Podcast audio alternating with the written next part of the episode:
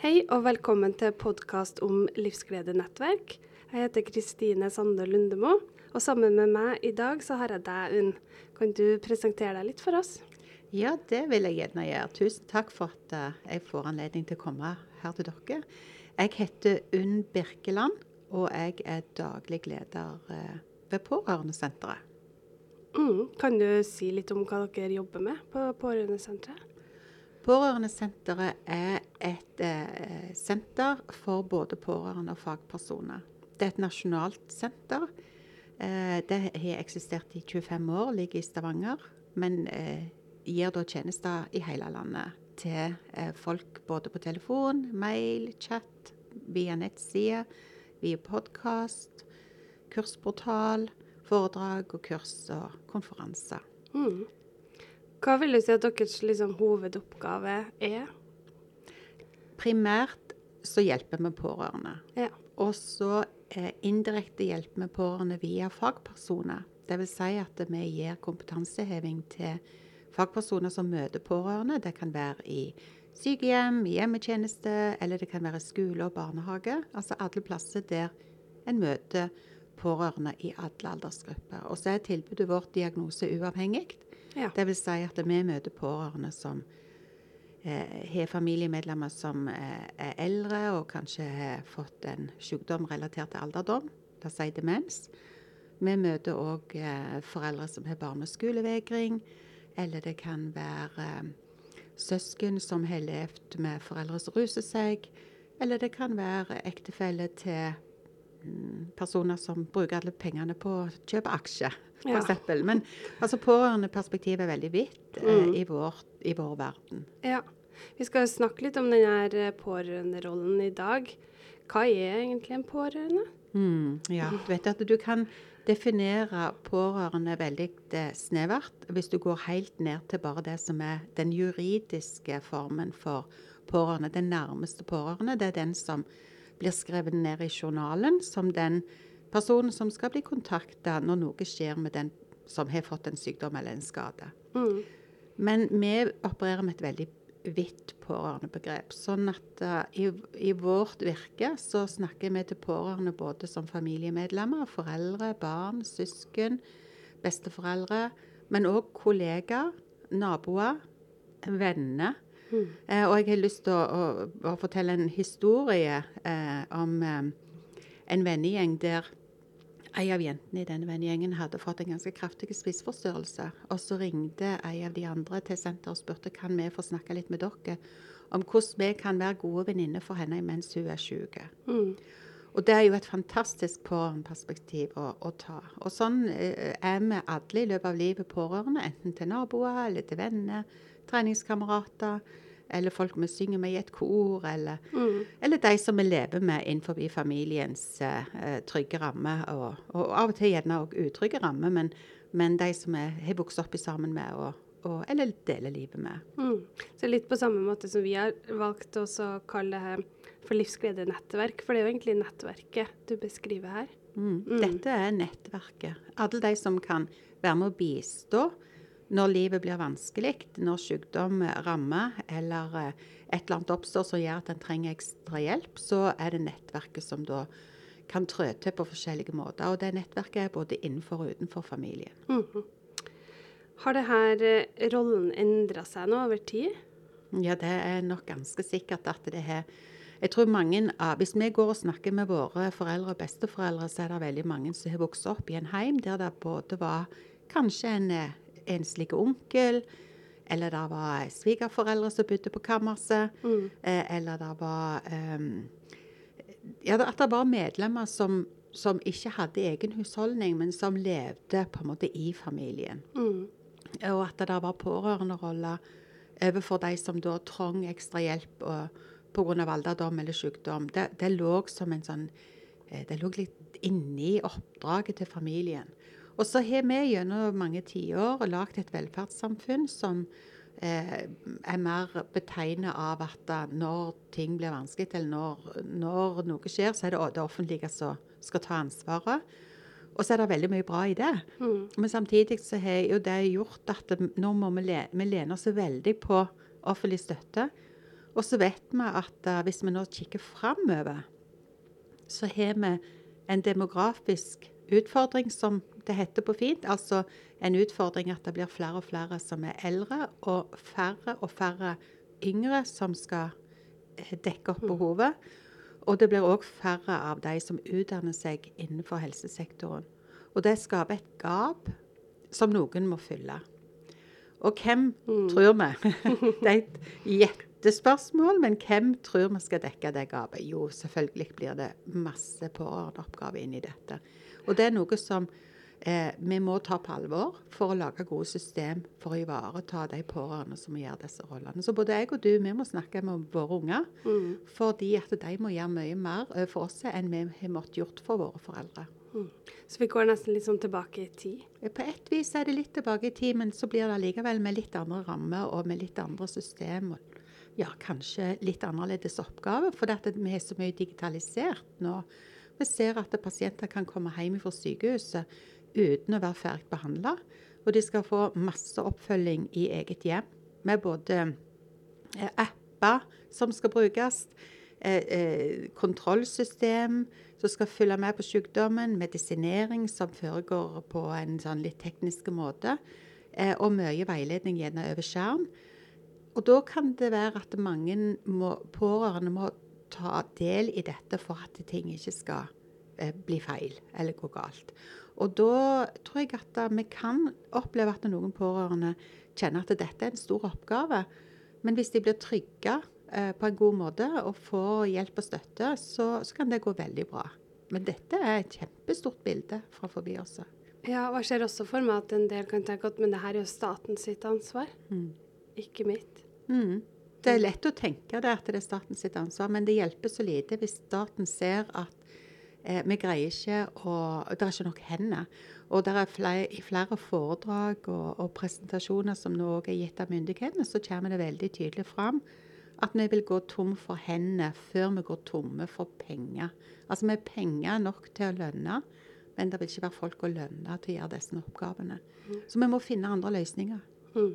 Og det handler ikke bare om at vi ikke har utdanna nok folk, men det er faktisk ikke nok arbeidstakere mm. å ta av. Mm. mm. Og vi hadde tatt alle tilgjengelige, hvis vi ser ti år fram i tid, og hadde tatt alle tilgjengelige folk og utdanna de innenfor helsesektoren for å dekke behovet, så hadde vi da ikke hatt elektrikere, vi hadde ikke hatt rørleggere, vi hadde ikke hatt IT-konsulenter, vi hadde ikke hatt bussjåfører eller trikkesjåfører, piloter og sånn. Sånn at det, eh, et samfunn er jo avhengig av av at vi må ha alt til å smøre godt i sammen. Mm.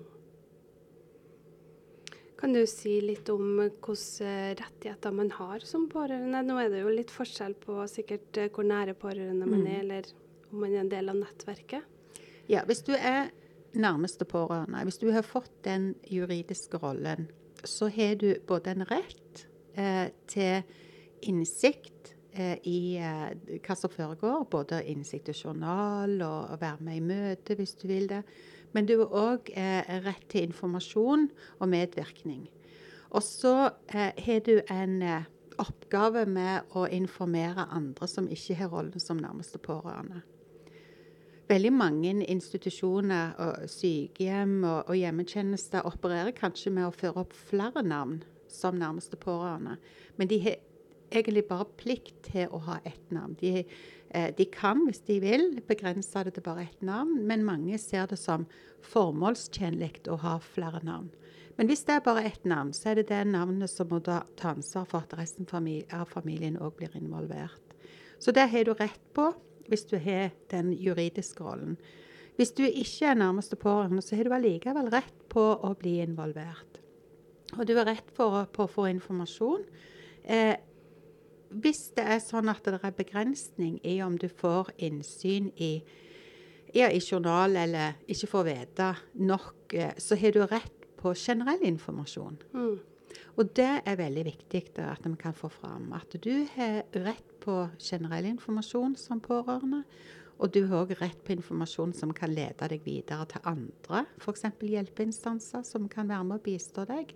For mange pårørende opplever jo kanskje at de står i et sånn limbo eh, opplevelse av at eh, nå er det altfor mye kaos. Eh, hvem kan hjelpe meg? Hvor kan jeg henvende meg? Hvem kan være støttepersoner nå? Eh, hvordan skal jeg få dette til? Mm. Så retten til informasjon den vil alltid ligge der. Og det er en plikt for helsepersonell å sørge for at folk blir informert. Og det er en ekstra plikt hvis det er barn inne i bildet. Men hvis man da ikke er nærmeste pårørende, men så har man allikevel rett til informasjon, generell informasjon, kan du si litt om hva det kan være hvis jeg f.eks. er pårørende og ringer på et sykehjem, men jeg er ikke nærmeste pårørende? Hva, er, hva betyr å få litt generell informasjon? Ja, det, hvis vi kan ta et eksempel, da. At du er pårørende til noen som eh, har fått demens. La oss si det.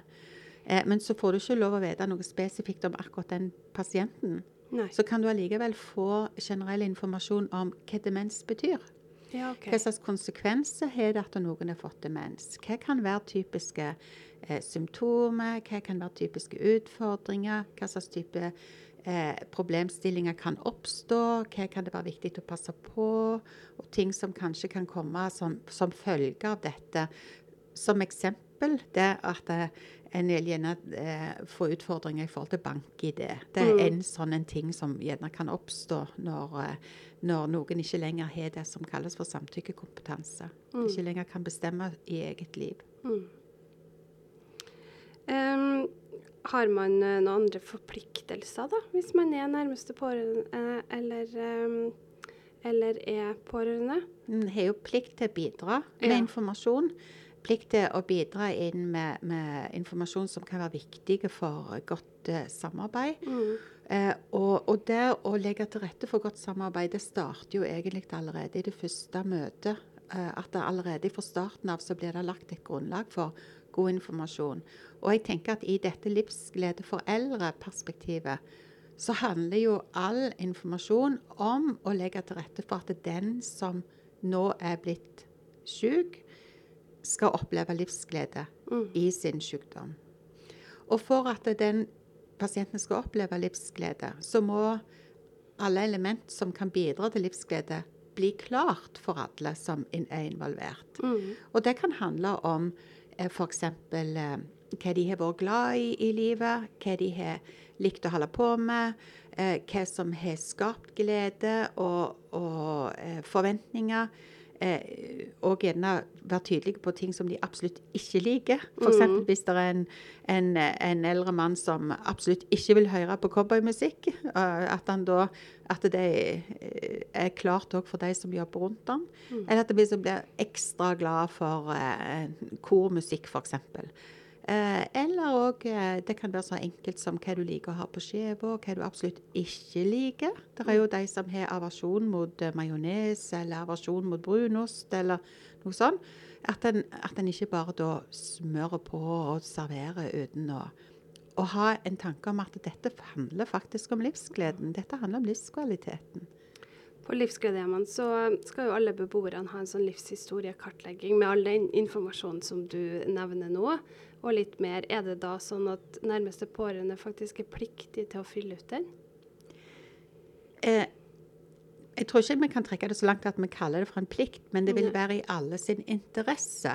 Og det tror jeg vi må legge veldig sterk vekt på, at det må være i alle sin interesse. Og, og, og plikt er jo knytta eh, Plikter og rettigheter blir ofte knytta litt opp mot lovverk, og nå finnes det jo ikke et lovverk for livsglede, eh, eh, eh. Men, men jeg tror at uh, hvis vi kan bare si noe om hvor mye positivt det fører med seg Og der he, he, vil jeg gjerne dele en historie som jeg har opplevd innenfor, innenfor vår egen eh, familie. Der eh, en mann skulle på sykehjem. Og, og vi visste at uh, det pleide å være et godt det, Dette var ikke et livsgledesykehjem, men vi visste allikevel at det var eh, tradisjon for og system for rutiner for å fylle ut et godt skjema eh, for å få vite alt det som, som var viktig for vedkommende. Og han kunne ikke gjøre redd for seg sjøl. Men så ble ikke hun invitert til dette møtet. Hun var Hun nærmeste var pårørende. nærmeste pårørende. Ja, hun ble ikke invitert. Det var nok en glipp som gjorde at det ikke skjedde. Og så gikk det ei uke, og jeg trodde hun hadde vært der. Jeg spurte hvordan gikk dette når du var på intervju. Så sa hun nei, de hadde ikke hatt det ennå. Så sa jeg ja, men da kommer det sikkert snart, for dette. Dette, skal de, dette skal jo skje. Så gikk det ei uke til. Jeg spurte igjen hvordan gikk det nå med, med dette møtet. Og fremdeles hadde ikke det vært. Eh, og da ringte vi og ba om å få den samtalen. Men det som da skjedde med hennes forventning til samarbeid, det var at det allerede hadde dalt mange Ja. desibel, hvis vi kan bruke et sånt uttrykk, fra starten av. For at hun tenkte at ja, ja, det var ikke så viktig. De eh, gjør jo det de vil uansett, og det jeg har å fortelle om han, det er sikkert ikke så nødvendig for de å vite om. Men hvis det møtet hadde vært med en gang, når han kom inn, og hun kunne fortelle om alle de tingene som var så viktige for han, så hadde jo forventningene hennes òg steget i forhold til samarbeid. Da hadde hun tenkt at å, det jeg har å fortelle om han, er så viktig for dem. De skriver det ned, de bruker det, for at de vet at dette kan de ta med seg for å gi han en god hverdag, så at han får livsglede i hverdagen sin. Så for oss så handler det mye om å få fagpersoner til å forstå nettopp dette.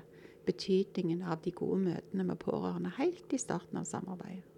For da har man egentlig ødelagt litt for både tilliten og samarbeidet videre framover. Mm. Og så håper vi at det kan repareres Ja. etterpå, men det Men det er jo en verre jobb å ta på seg og skal Mm. rette opp i det, enn å starte ut på en fin måte. Mm. absolutt. Mm. Og så er det jo også en beboer her da, som har bodd her i tre uker uten at noen vet så veldig mye om hva han liker og ikke liker. Og, Riktig. mm. Og hvis du da legger det på toppen av at du er kommet til en ny plass, Mm. du skal bli kjent med nye folk, Og har en Eh, demens. har en demens, ja, det er Mm. mye usikkerhet, skal finne fram, og på toppen av det hele så vet ikke folk hva du er glad i, hva du har holdt på med i livet ditt, hva som har vært din interesse. At du, du eh, finner ekstra glede i det, det og det og det. Mm. Hvem du er. Hvem du er, rett Mm. og slett. ja. Em, er det noe spesielt å tenke på når em, Vi snakka litt om det her med demenssykdom nå. Uh, ved langkommet demens så kan det jo ofte skje at uh, man mister samtykkekompetansen. Er det noe spesielt uh, å tenke på i forhold til pårørende da? Har de større rettigheter og plikter, eller er det noe endring? Eh, det, vi ser en stor endring i samfunnet om at flere og flere legger vekt på dette med framtidsfullmakt. Ja. For å forberede seg. Vi vet aldri når den dagen eh, er der. Eh, det trenger ikke være knytta opp mot demens, men det kan òg være knytta opp mot andre ting som bare plutselig oppstår. Det kan jo òg være at en får slag og ikke er i stand til å snakke etterpå. Ikke er i stand til å få gitt uttrykk for sine meninger. Så vi ser at det er en stadig større andel av befolkningen som velger nå å, å tidlig forberede seg med å lage framtidsfullmakt. Og da er veldig mye gjort. Veldig, veldig mye er gjort av det som kan bli vanskelig eh, hvis en ikke har det. Hva innebærer en sånn fullmakt, fremtidsfullmakt? ja, Det innebærer at en fyller ut et skjema digitalt som blir lagra. En kan gjøre det enten hos Statsforvalteren, eller en kan gjøre det òg i den banken en hører til. Et dok dokument som blir juridisk eh, lagra og juridisk gjeldende, som forteller eh, Hvis det var jeg som lagde en framtidsfullmakt med mine barn, da, så ville den fullmakten fortelle dem hva de har lov å gjøre på mine vegne, hvis jeg ikke lenger kan bestemme sjøl. Og det kan være på et overordna enkeltnivå, eh, men det kan òg gå ned i detaljer. Jeg kan inn i den framtidsfullmakten til meg gå så langt at jeg kan fortelle hva jeg vil ha med meg på rommet på sykehjemmet. Hvis jeg en dag skal inn på et sykehjem, eh, så vil jeg ha med meg det og det. Den albumen, den stolen, den lampen, den, den boka og sånn. Men veldig mange eh, velger kanskje å, å kun eh, ta de overordna tingene. Men hvem har fullmakt til å bruke banken? Hvem har fullmakt til å disponere verdier? Hvem, hva skal skje med ja, f.eks. Eh, eh, hus, eiendom og sånne ting. Hvis du ikke har lagt framtidsfullmakt, så kan du være mye mer låste. Og særlig knyttet opp mot dette med disponering av verdier og bruk av bank-ID. Og nå har vi nettopp hatt en, en sak som ligger på nettsida vår, som beskriver dette veldig tydelig. Eh, så hvis en går inn på pårørendesenter.no og så leser fra temamåneden januar, så vil en finne eh, mange saker som er knytta til nettopp dette. Og særlig dette med utfordringene med bank-ID. Em, ifølge lovverket så er det jo sånn at uh, beboere på sykehjem skal ha rett til å påvirke uh, den omsorgen som de skal motta. Uh, er det sånn at når de ikke er samtykkekompetent, så er det da nærmeste pårørende som overtar den rettigheten? Til en viss grad så er det det, men, men det går allikevel an å beholde en del av sin egen medbestemmelse fordi om en ikke lenger er samtykkekompetent. Ja. En kan legge til rette for eh, oppgave som gir en opplevelse av å være med og bestemme, Mm. selv om det i sånn praksis kanskje ligger litt utenfor. Ja. Eh, men, men pårørende vil jo svært ofte få de oppgavene hvis det ikke er oppnevnt verge. Altså Hvis det er oppnevnt verge, så er det vergen som sitter med de fullmaktene.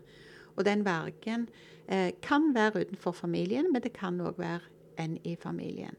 Eh, men dette er jo viktige prosesser å sette seg inn i og finne ut av hvordan vil vi gjøre det i vår familie for å være godt forberedt eh, når den dagen eh, Mm. kan komme. Hva tenker du, du sa jo litt om det her med samarbeid i stad, at man kan jo få en dårlig start. Men hva tenker du man kan gjøre som ansatt på sykehjemmet da, for å legge til rette for at det her samarbeidet skal bli så godt som mulig? For pårørende er jo en stor ressurs for mange, veldig mange beboere. Ja. Eh, Pårørendeveilederen sier at det skal være systematisk pårørendearbeid i enhetene. Men så vet vi at det ikke er på plass alle, i alle sykehjem og alle kommuner eller helseforetak. Vi vet at det ofte er det avhengig av ildsjeler. Og så er det sånn at hvis den ildsjelen ikke er på jobb, eller flytter til en annen plass, slutter i jobben og begynner en annen plass, så forsvinner gjerne den gode eh, drivkraften til godt samarbeid. Eh, så noe av det vi jobber med på Pårørendesenteret, er å bistå med at det blir godt systematisk arbeid, både på systemnivå, altså at det f.eks. blir lagd pårørendestrategi i kommunen, som òg gjelder for sykehjem og hjemmetjenester, eh, men òg at det blir eh, gitt kunnskap om godt pårørendesamarbeid på individnivå. Altså helt ned til det konkrete møtet mellom pleier eh, og, og pasient og pårørende. Altså at det blir en veldig sånn god eh, toner allerede fra starten. Men det å få systematikk inn i det, det er det som er det avgjørende. Den er ikke avhengig av at det, nå er det noen som får en idé om at vi skal gjøre et lite stunt for pårørende, så nå lager vi en pårørendekveld, og så aner en ikke hvor lenge det blir til neste gang. Altså Det må være systematikk både i samhandling, kanskje gode sjekklister, sånn at en alltid eh, har sjekka at nå har vi gjort sånn og sånn som vi hadde eh, avtalt.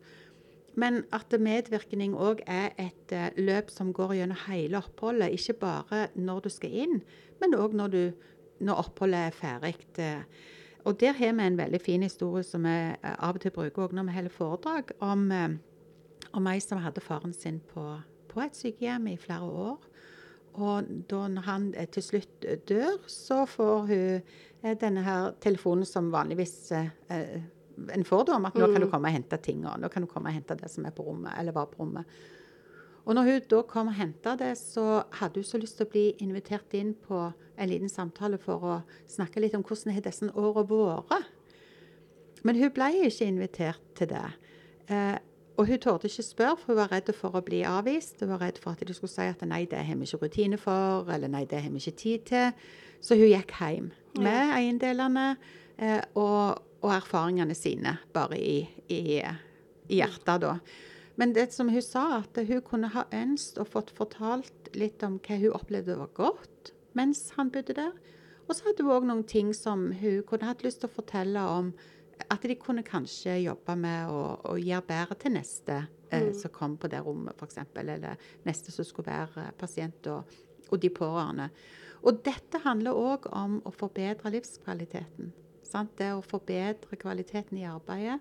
Og òg å, å ha en systematikk rundt oppfølging av pårørende, sånn at du fyller hele løpet. For det gir en god følelse for pårørende når de skal avslutte et forhold. Det var faktisk viktig å høre på meg. Det var faktisk viktig å få med det som jeg hadde å bidra med. Og òg at det er viktig for fagpersonene å få de inputene som, som kommer fra pårørende, sånn at de kan gjøre en bedre jobb i neste runde. Du sier noe der, og det er noe vi jobber en del med. fordi at det burde egentlig ikke vært sånn at det er pårørende som etterspør informasjon hele tida. For sånn som du sier her, og hun hadde egentlig ønske om et møte, men hun torde ikke å, å spørre om det. Um, så vi er sånn at vi oppfordrer primærkontakten til å ringe til pårørende hver måned, og da ha fokus på livsglede, da. Det de har vært med på beboerne, hva de har likt, og ja. eh, Besøk av barnehagen og dyr, og, og fortelle litt om eh, rett og slett bare positive ting. For vi vet jo at det er en del som får litt sånn vondt i magen kanskje når det ringer fra sykehjemmet, for enten er det noen dårlige nyheter, eller så mangler de eh, gensere eller bukser, eller liksom Ja, at det ofte At du forbinder det med noe negativt, da. Men det at man kan få informasjon uten å trenge å etterspørre det, tror jeg er liksom positivt for samarbeidet. Veldig positivt, og det kan være en del av systematikken. Mm. Ikke sant? For da viser det at du er litt i forkant, og at du er med og bidrar til å gi pårørende en god opplevelse av at fagpersonene òg tenker det er viktig for de pårørende å vite når noe har vært bra. Mm. At det òg er viktig for pårørende sin følelse. Det er klart at mange pårørende kjenner på sorg, de kjenner på savn. De syns det er fælt å være alene igjen hjemme. Eh, og går og kjenner på, på, det. Og da er det godt å få noen sånne eh, eh, telefoner fra sykehjemmet som sier at 'Å, i dag har han eller hun hatt det så kjekt', og 'Vi har stått og sunget', eller 'Vi har mimra', eller Mm. 'Det har vært en dans på gulvet', eller 'Det har vært eh, ja, glimt i øyet'. Altså bare en så liten ting som det. At Mm. i dag har vi sett et skikkelig glimt i øyet. Det kan være godt for pårørende å vite. For livsglede for eldre handler jo òg om livsglede for den som sitter igjen hjemme. Mm. Eh, hvis man er pårørende og trenger litt hjelp for å vite hva har jeg rett på, eller eh, hva innebærer det her, hvor kan man ta kontakt hen da? Ja, Da kan en jo først og fremst ta kontakt med oss på Pårørendesenteret. Vi har ei telefonlinje som heter Pårørendelinjen, og den er åpen hver dag i i hverdagene da, fra ti til fem. Ja.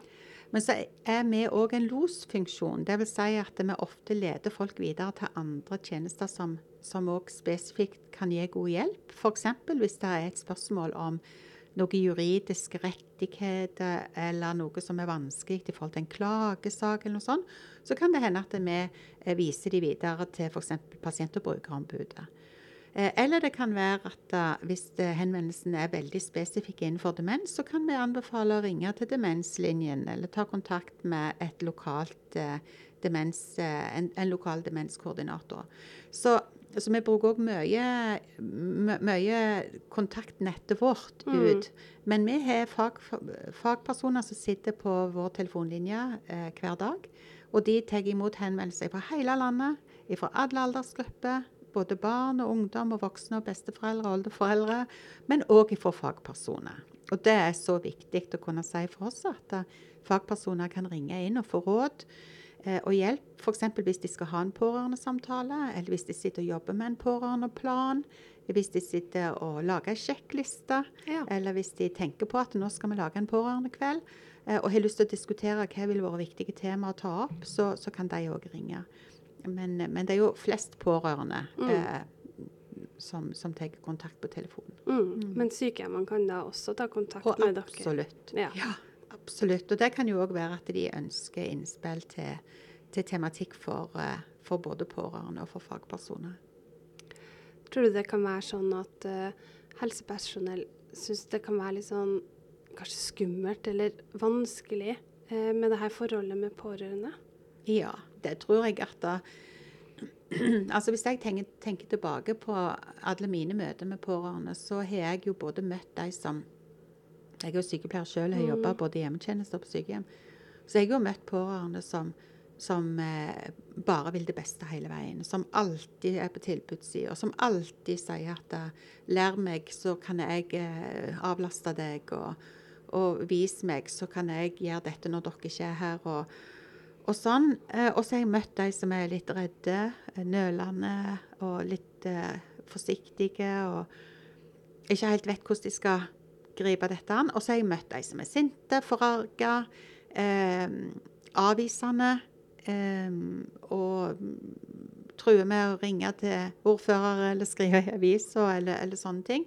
Og jeg tror at de fleste som har jobba en stund, har møtt eh, ulike pårørende. Mm. Og så tenker jeg at det er en ting vi som fagpersoner må huske. Det er at vi er betalt for å være profesjonelle. Og det er ikke de pårørende. Så det ligger på vårt ansvar å sikre et godt samarbeid. Og hvis vi har kommet i den situasjonen at det skårer seg, altså det kilt seg helt fast og vi ikke får det til, så er det vårt ansvar å sikre at den pårørende får snakke med noen andre Ja. for hjelp av noen andre. Sånn at, eh, at det kan eh, gjerne bygges opp en ny relasjon og et nytt samarbeid. Men vi må alltid prøve å legge til rette, og vi må alltid tenke at det er ikke vanskelige pårørende, men det er pårørende som har det vanskelig. Og noen pårørende de har strekt seg så langt for, før de ber om hjelp. Og mange av de som eh, opplever at nå får de endelig avlastning, den de er pårørende til, kom endelig på sykehjem, så er de gjerne så slitne og leie at de orker ikke tenke samarbeid med sykehjemmet før det har gått ei tid. Nei. Og når det har gått ei tid, så er de kanskje modne for eh, en ny type relasjon som kan bygge opp noe nytt og godt igjen.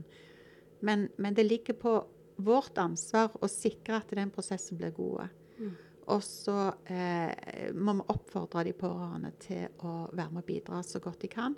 Og komme med sine tanker og innspill, og så må vi tåle det som de da legger på bordet. Og har de en dårlig erfaring, så må vi tåle å høre den. Eh, og ikke prøve å vekkforklare eller bagatellisere, men tåle å høre det. Og så prøve å vise at det er en vei videre etter det. Mm. Du, helt til slutt, Unn, så tenkte jeg skulle spørre deg bare, hva er det som gir deg livsglede? Mm. Familien er jo nummer én. Mm. Mm. Eh, hagen og naturen eh, er nummer to. Eh, og så har jeg nok mer og mer i, på mine altså, jeg, Nå skal jeg ikke si eldre dager, for så gammel er jeg ikke, men jeg har levd lenge allikevel. Så jeg er nok blitt mer og mer glad i litt egentid. Eh, litt sånn egentid. Vi kryper opp i sofakroken med et strikketøy og en film. Eh, sånn at, men til hver sin tid. Eh, til hver sin tid. Men familien er jo selvsagt eh, eh, nummer én. Jeg har fire barnebarn, alle fire er jenter, og jeg elsker å være sammen med dem. Og det er sånn, de livsdimensjonene som, som eh, jeg tenker det blir så viktig å kunne opprettholde for det om du ikke lenger kan bruke språket ditt, om du ikke lenger husker at det allikevel eh, folk kan hjelpe deg med å opprettholde den gleden. Altså Hvis jeg skulle komme i den situasjonen at jeg så eh, og ikke lenger kunne gjøre rede for meg, og ikke lenger kunne si hva jeg trong, og hva jeg hadde behov for, at eh, familien min allikevel visste at jeg trong å se ansiktet til barnebarna mine, f.eks. At jeg fremdeles trenger å, å høre stemmene. At jeg trenger å oppleve at uh, de vet hvem jeg er. Og at for, for dem jeg ikke klarer å gi uttrykk for at jeg husker hvem de er. Det vil jeg tenke var viktig. Så da er det sånn at det som gir deg livsglede, det er kanskje dem som kommer til å være pårørende til deg i fremtiden. Mm. Og da er det kjempeviktig at det blir et godt samarbeid med mm. dem. Mm. mm. Så da vil jeg bare si tusen takk for at uh, du ville bli med. No, tusen takk for at jeg fikk uh, være med her.